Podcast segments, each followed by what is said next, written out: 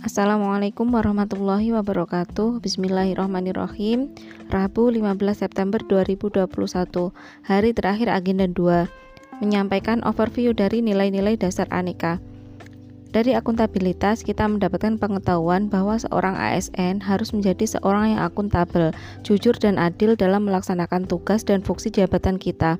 Kita juga harus bisa memilah mana yang merupakan informasi umum serta mana informasi intern lembaga.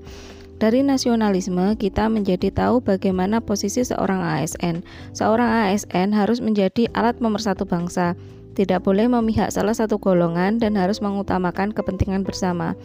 Dari etika publik, kita berusaha untuk menjadi ASN yang mempunyai etika yang baik saat melayani masyarakat. Melayani dengan ramah, sopan, santun, serta adil tanpa sikap diskriminatif. Selanjutnya, komitmen mutu. Pada nilai ini, kami sebagai ASN harus melakukan inovasi serta dapat bekerja secara efektif dan efisien dan da dalam menjalankan tugas. Yang terakhir yaitu anti korupsi. Sebagai seorang ASN, kita tidak boleh mengambil sesuatu yang bukan hak kita, apalagi jika sesuatu tersebut diberikan oleh seseorang untuk mendapatkan imbalan.